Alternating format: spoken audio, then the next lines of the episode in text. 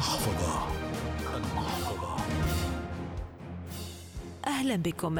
حين تصدر النصيحة عن شخص عمر في هذه الحياة لمدة تسعة وثمانين عاما فإنه غالبا ما ينطق حكمة. فما بالك أن تصدر عن شخص في مثل هذا العمر ويلقب بالحكيم أو بحكيم أماها نتحدث اليوم عن وارن بافيت واحد من أشهر المستثمرين العصاميين في العالم. وثالث أغنى الأغنياء بثروة تقدر ب 82 مليار ونصف المليار دولار حسب آخر تصنيف لمجلة فوربس. ست نصائح أو بالأحرى ست خلاصات حياة قدمها بافيت الذي احتفل مؤخرا بعيد ميلاده التاسع والثمانين.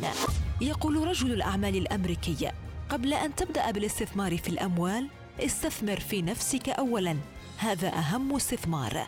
اقرأ تعلم كيف تتواصل وكيف تقنع.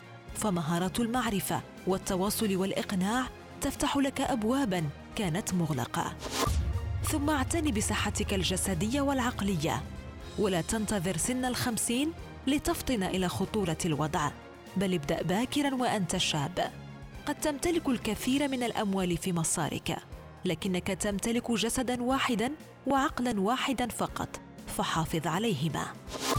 في بداياتك لا تفكر في الراتب قبل ماهيه الوظيفة.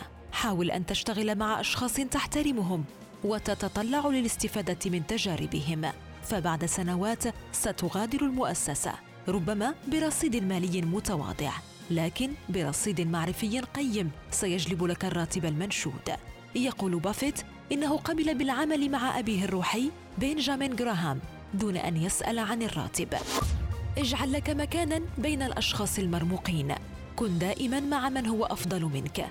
فهذا سيساعدك على التطلع إلى المستقبل والتطور. يقول بافيت ابتعد عن الأشخاص الذين يتصرفون بطريقة سيئة. فالرفقه تؤثر على سلوكنا بشكل كبير. لا تلتفت كثيرا إلى الضجيج. ويشير وارن بافيت هنا إلى الأخبار التي تتحدث عن تقلبات السوق. يؤكد رجل الأعمال الأمريكي الشهير أنه لم يصدق يوما ما يقوله خبراء المال والاقتصاد الذين يبيعون الكلام ولا يجنون من ذلك اموالا كثيرة.